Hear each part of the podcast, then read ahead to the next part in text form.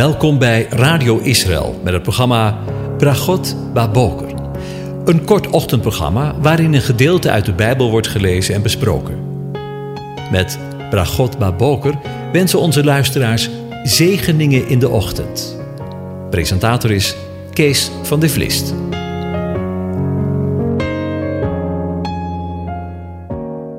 Goedemorgen, Bokatov, beste luisteraars.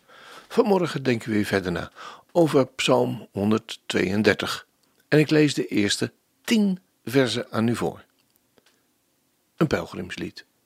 Heere, denk aan David, aan al zijn lijden, hoe hij de Heere gezworen heeft, de machtige van Jacob, deze gelofte deed.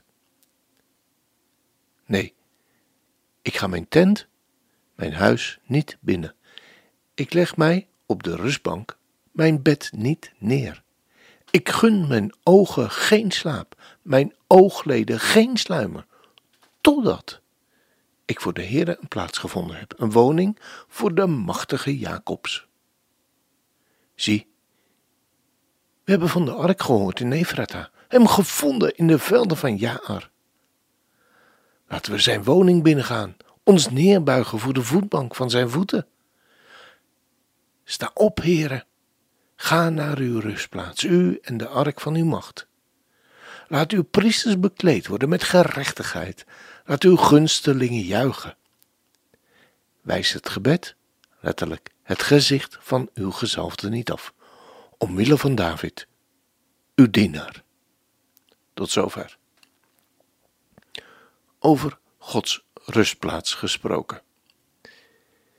In de versen 8 tot en met 10 vinden we een ander pericoopje van Psalm 132.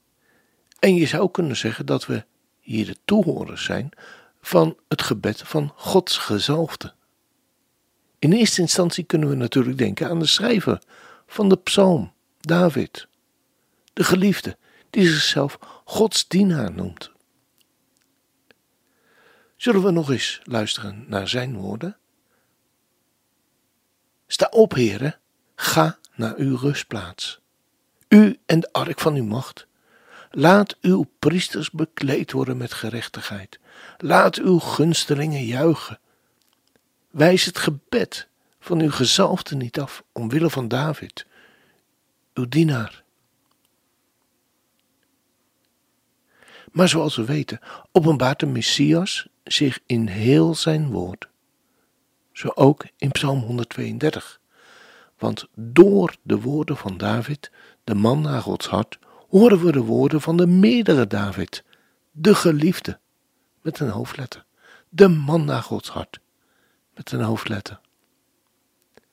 De versen spreken namelijk over de gezalfde, over de geliefde en over de dienaar. En die drie titels zouden we allemaal met een hoofdletter kunnen schrijven, want het zijn allemaal titels die de Messias, Jezus uit Nazareth, draagt. En daarmee zijn we bij wijze van spreken op heilige grond gekomen. Het past ons ontzag, omdat we bij wijze van spreken toehoorder zijn van het gebed van de Messias tot zijn Vader in de hemel. Sta op, heren, ga naar uw rustplaats u en de ark van uw macht. Laat uw priesters bekleed worden met gerechtigheid. Laat uw gunstelingen juichen. Wijs het gebed van uw gezalfde niet af, omwille van David uw dienaar. Ja. En wat denkt u? Zou dit gebed van de Messias door de Vader worden verhoord?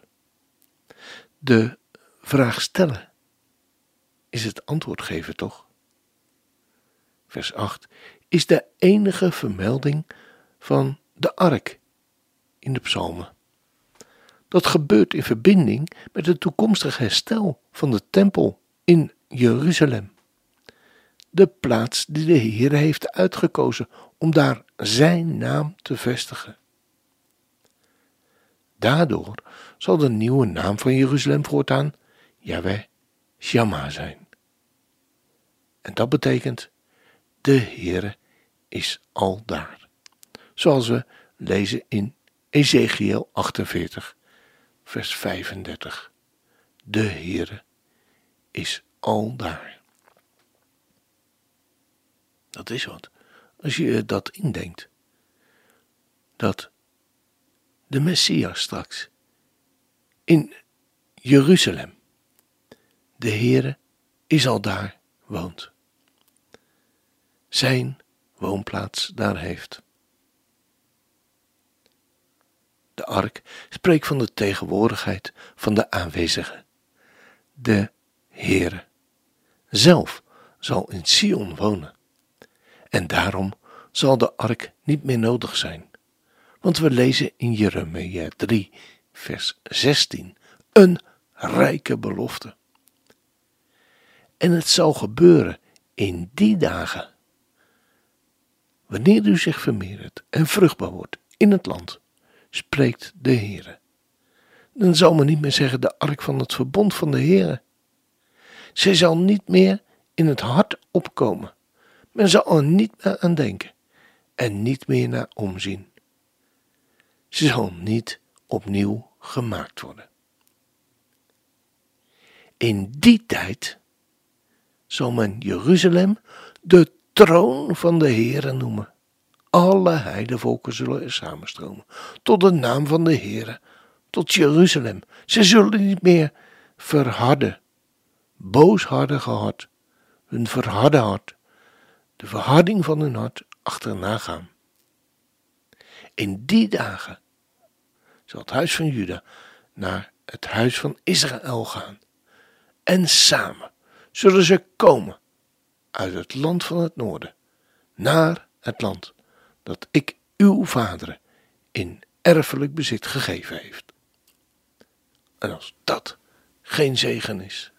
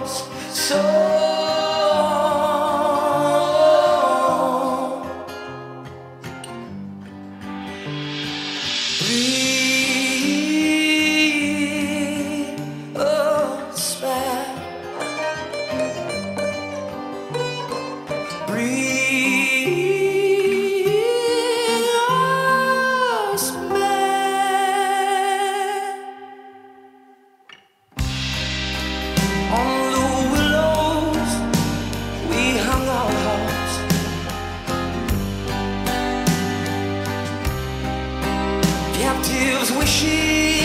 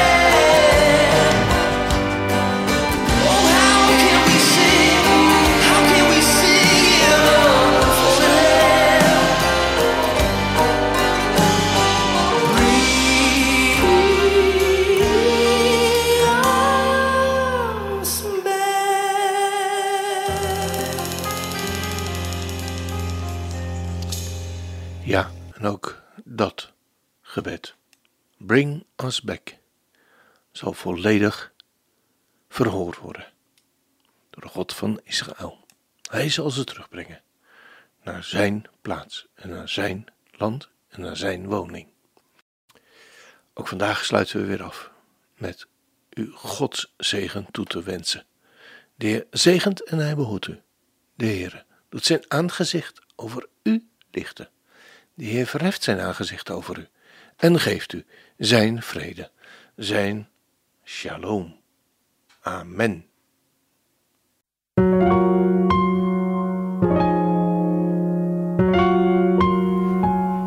U hebt geluisterd naar het programma Bragot Baboker. Een kort ochtendprogramma waarin een gedeelte uit de Bijbel wordt gelezen en besproken. Wilt u het programma nog eens naluisteren, dan kan dat. Ga naar radioisrael.nl en klik onder het kopje radio op Uitzending gemist.